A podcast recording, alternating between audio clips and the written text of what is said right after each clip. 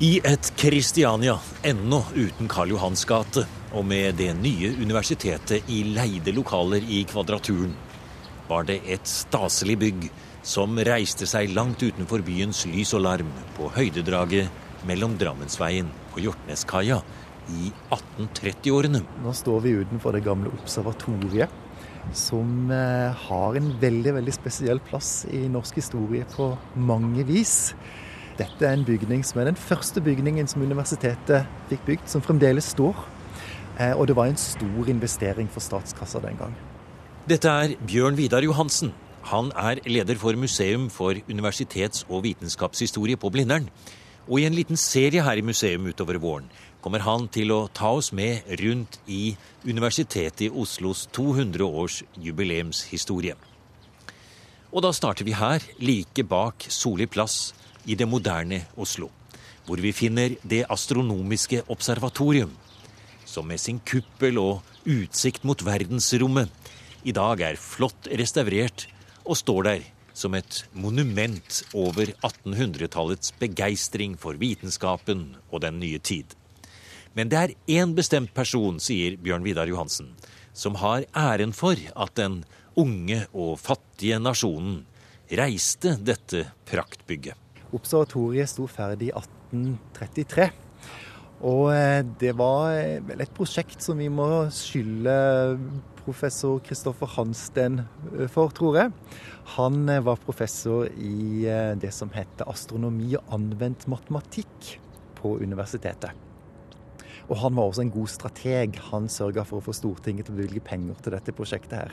Men det var en spesifikk grunn til at Stortinget var interessert. Og det var det at på denne tida så fantes det ingen standardisering av norsk tid. Ikke av vekt eller mål, og Norge hadde ingen plassering på kartet som var offisiell.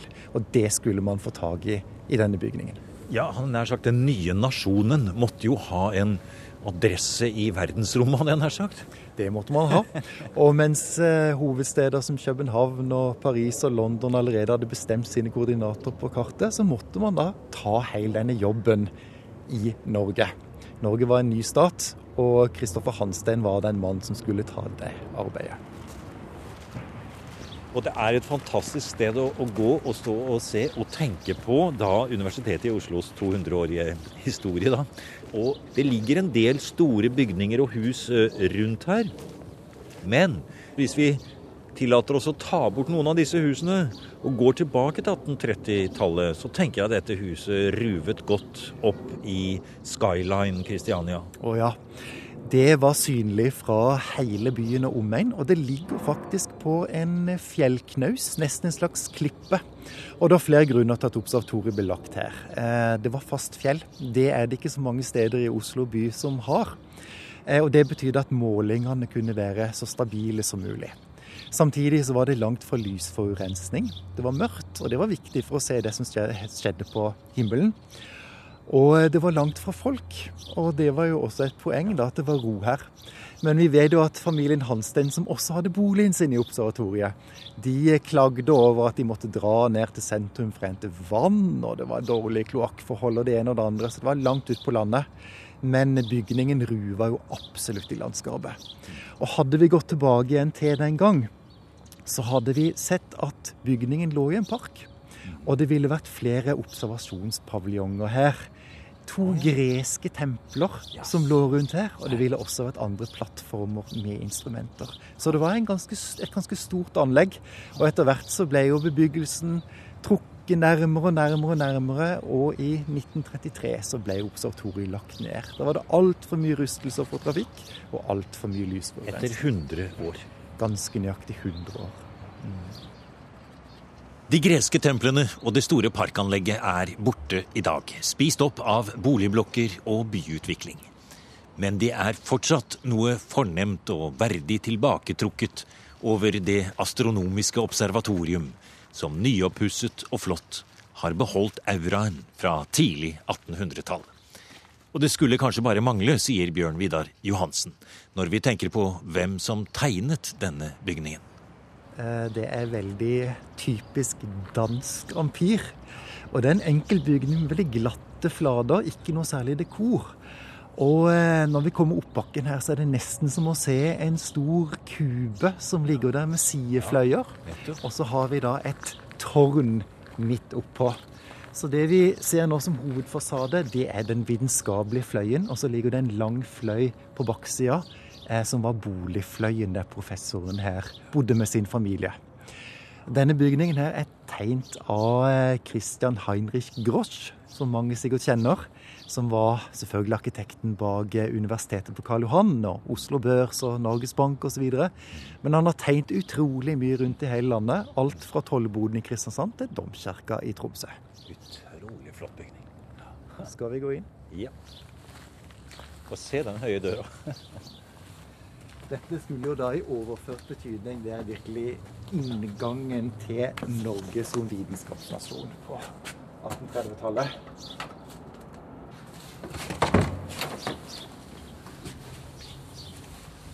Ja,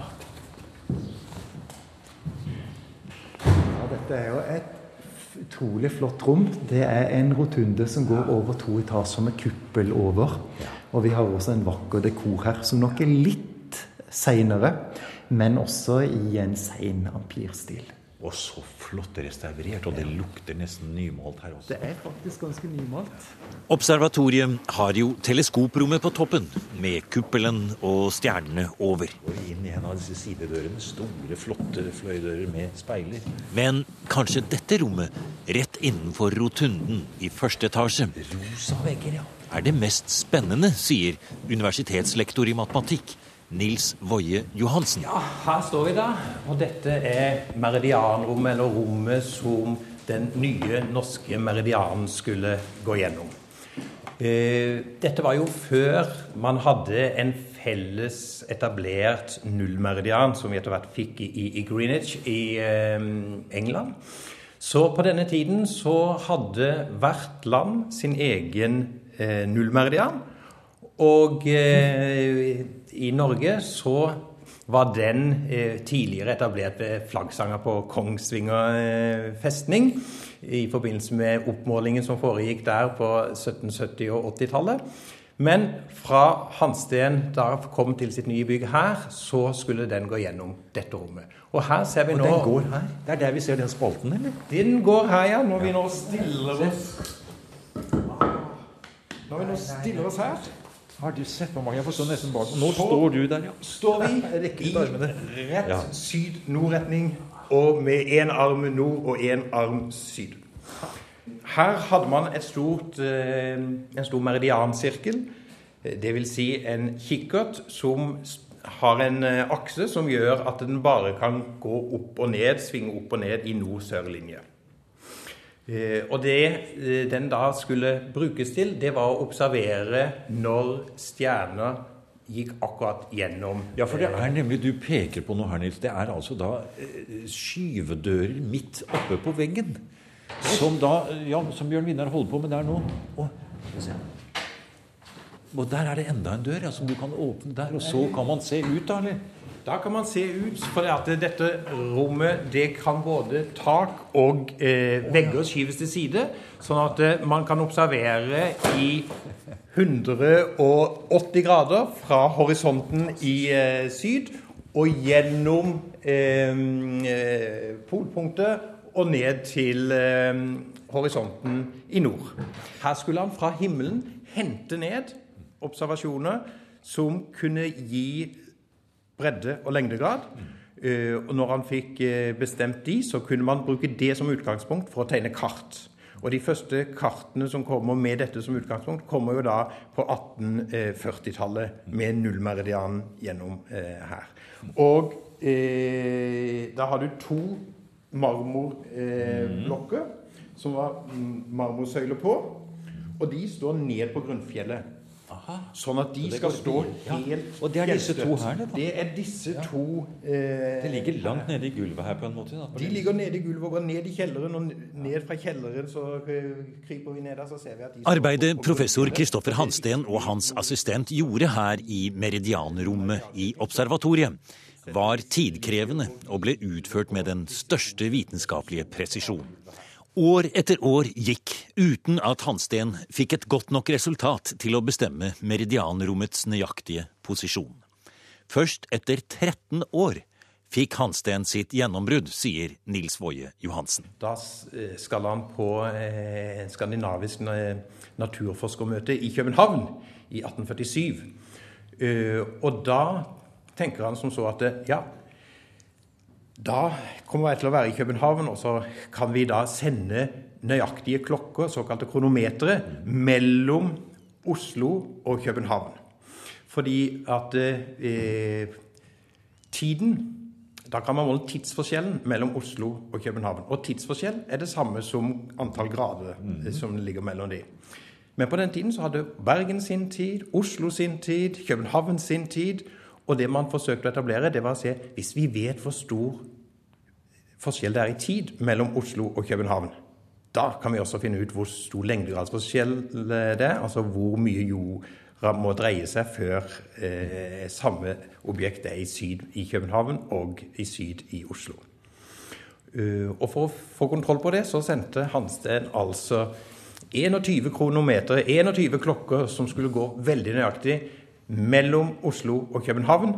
De gikk med dampbåten tolv ganger opp og ned den sommeren mens eh, Hansen var i København. Og ut fra det så greide han endelig å få bestemt en lengdegrad som var så nøyaktig at han var fornøyd med den.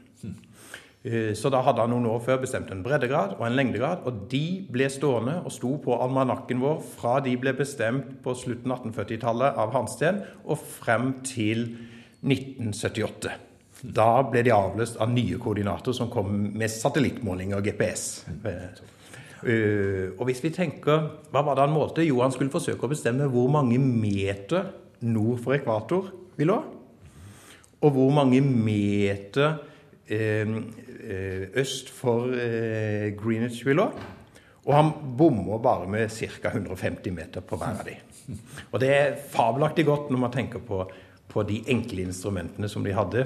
Og, og, det som de nå da opererer med, det er jo da mange satellitter som eh, man tar til hjelp for å beregne koordinatene nå. Og ikke bare beregnet Kristoffer Hansten observatoriets nøyaktige bredde og lengdegrad, noe som jo var av største betydning for skipsfart og navigasjon på 1800-tallet. Men på kjøpet, så å si, fikk man også en nøyaktig fastsettelse av når Klokka er eksakt 12.00 formiddag i Kristiania, sier Nils Woie Johansen. Så noe av det arbeidet som eh, han eh, gjør, det er å finne en korrekt tid. For tid er lokalt. Tid kan ikke transporteres. Det må måles på hvert enkelt geografisk sted. Og når Hansen har bestemt tiden her, så vet han når klokka er tolv. Og det er en informasjon som innbyggerne også er interessert i. Fordi at når de skal stille sine gulvur, eller hva det måtte være de hadde, så kan de på denne tiden ikke slå på radioen eller eh, ringe til frøken Ur eller noe. Så hva skal de da gjøre? Jo, de er avhengig av at noen kan kommunisere hvor mye klokken er. Altså gi de en mulighet til å stille den korrekt. Og da brukte Hansten eh, på toppen av observatoriet her en eh, stang med en tidsball på. Og eh, når klokken var litt før tolv, så heises eh, tidsballen opp, og den kan da ses over hele byen. Og idet klokka akkurat er tolv, så slippes den ned.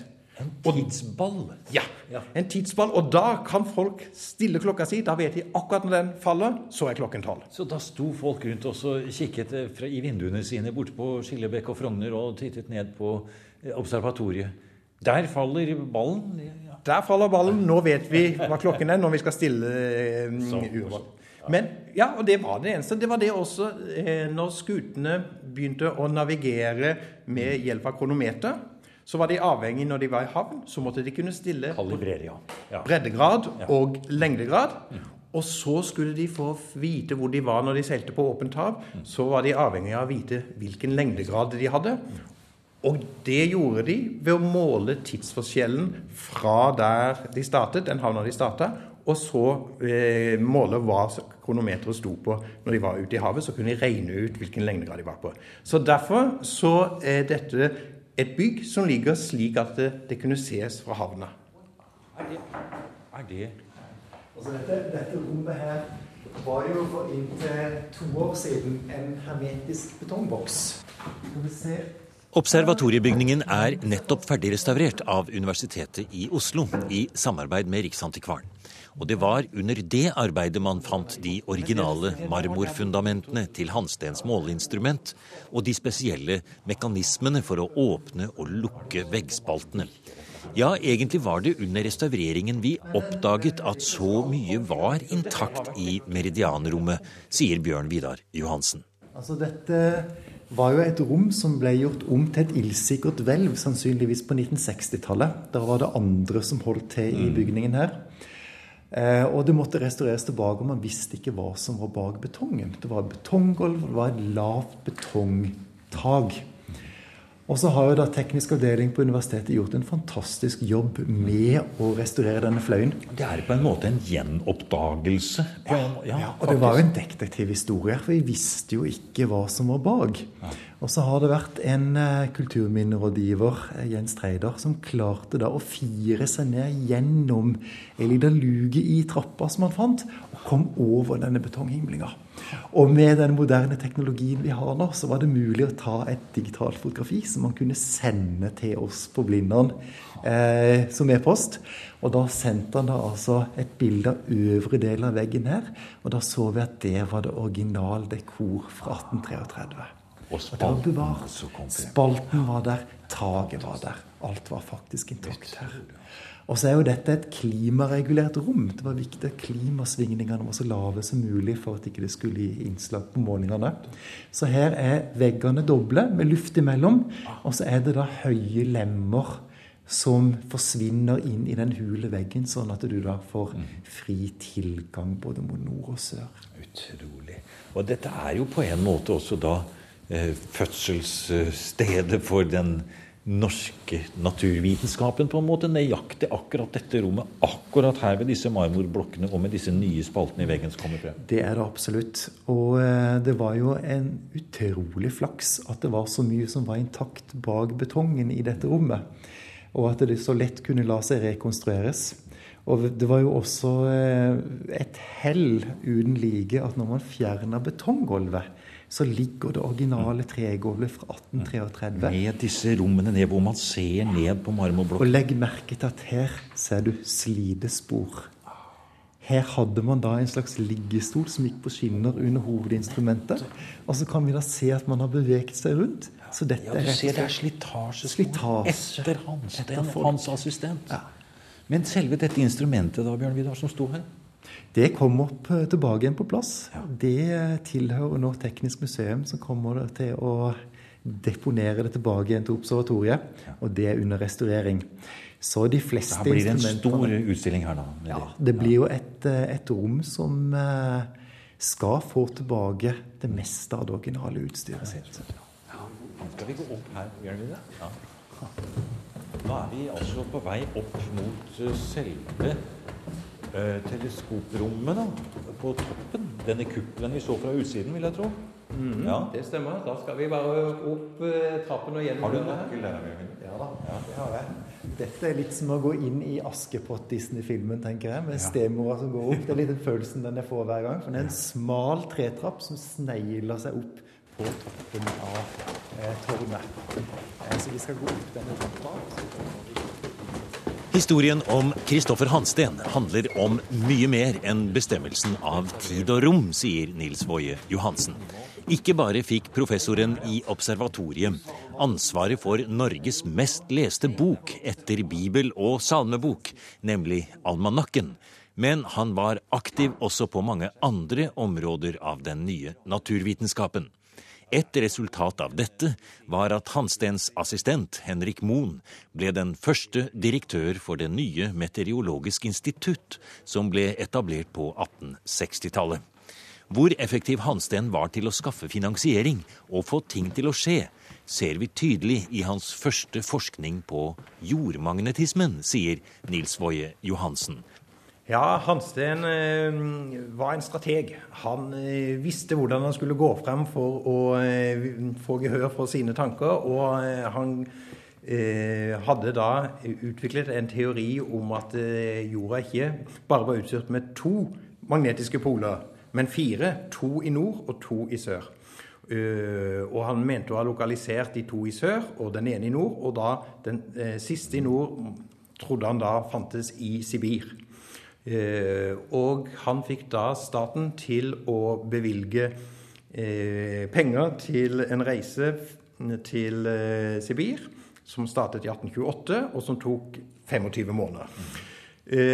Han er en liten forløper for det, som blir en sånn nasjonal gren med reiser i polare strøk. Og når han da kommer tilbake og blir feiret som helt, da tar også nasjonen og bevilger midlene til dette observatoriet. Det er i, nok i den nasjonale rusen når han kommer tilbake. Da er det noen få måneder etter at han har kommet, så bevilges pengene til observatoriet. Dette er en mann vi kan tro på, ja. Han har vært i Sibir, han har lett etter den magnetiske Nordpol. Han kan vi stole på til å finne ut hvor mye klokka er. Ja, han kan nok brukes til mye. Han har, han har i den tiden som han eh, da har virket i landet, så har han jo gjort en, Vi nevnte så vidt at han har vært, eh, blitt redaktør for Almanakken, noe som han var i nesten 50 år. Eh, han var den som var primus motor for å innføre et nytt og nasjonalt målesystem når det gjaldt vekt og lengde og, og hulemål. Eh, det hadde han fått på plass, som ble forløperen for det som i dag er Justervesenet. Han var eh, eh, direktør for Norges geografiske oppmåling. og hadde, han var også med i flere andre offentlige kommisjoner for å gjøre viktige oppdrag for nasjonen. At, og hele tiden så ser du hans hånd. Han får igjennom det han vil. Så han er utrolig dyktig til å manøvrere seg også politisk. Spennende. For en flott person.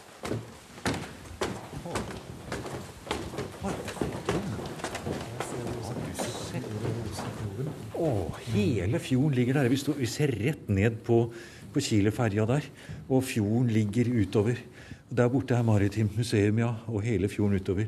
Det er jo klart, som eh, Nils Foy Johansen sa, her kunne skipene på havnen se når tidskula ble senket ned.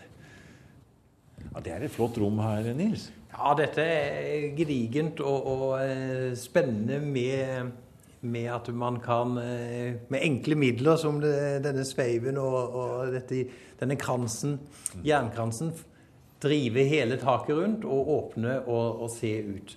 Og som du sa, så har vi fin utsikt til eh, havna på den ene siden her, mens den andre jo dessverre er bygd inn av ja, Byen har spist seg inn, ja. og vi kan ikke se noe. Men heldigvis er det bevart havneutsikt på den andre siden da. Ja.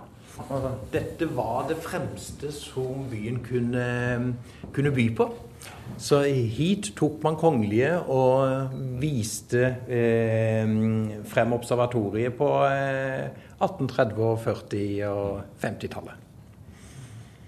En annen ting som, eh, som, er spesielt med vår moderne blikk i, i, dette tårnrommet, er at vi har rosa vegger her. Ja. Og i meridianrommet i observatoriet er det også rosa vegger. Og det virker kanskje litt rart i dag at et forskningsbygg skal ha rosa vegger, men det var høyeste mode i 1830-åra, dette her.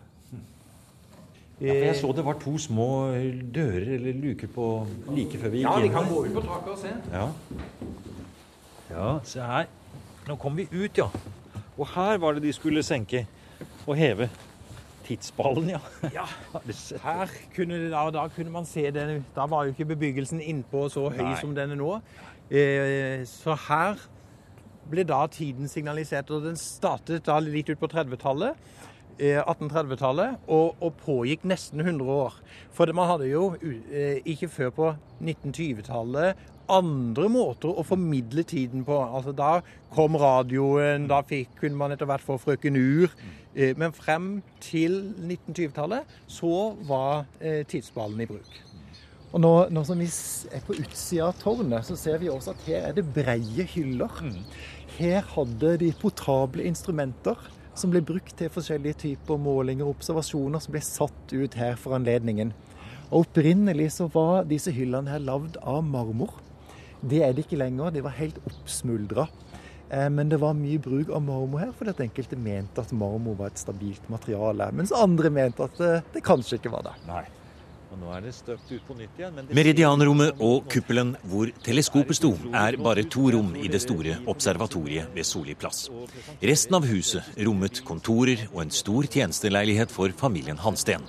Hvor også datteren i huset, Åsta Hansten, som ble en kjent malerinne og pioner for kvinnesaken i Norge, levde midt i det vitenskapelige miljøet. Og noen av disse rommene skal etter hvert også innredes med kulturhistoriske utstillinger. Både for Kristoffer og Åsta Hansten, sier Bjørn Vidar Johansen. Ja, det er jo et eh, nasjonalt klenodium, denne bygningen her. Men som du må på en måte oppdage og kjøre inn mellom små veier og bak noen blokker, og så er vi her. Ja, det er flere som har sammenlignet observatoriet med kanskje et torneroseslott. Det har ligget litt tilbaketrukket på en høyde og litt overgrodd i, i mange år. Og nå blir det løfta fram og kommer til heder og verdighet igjen. Du har nå hørt programmet Museum som podkast fra NRK. Museum sendes i NRK P2 på lørdager og søndager. Du finner flere programmer på nrk.no podkast.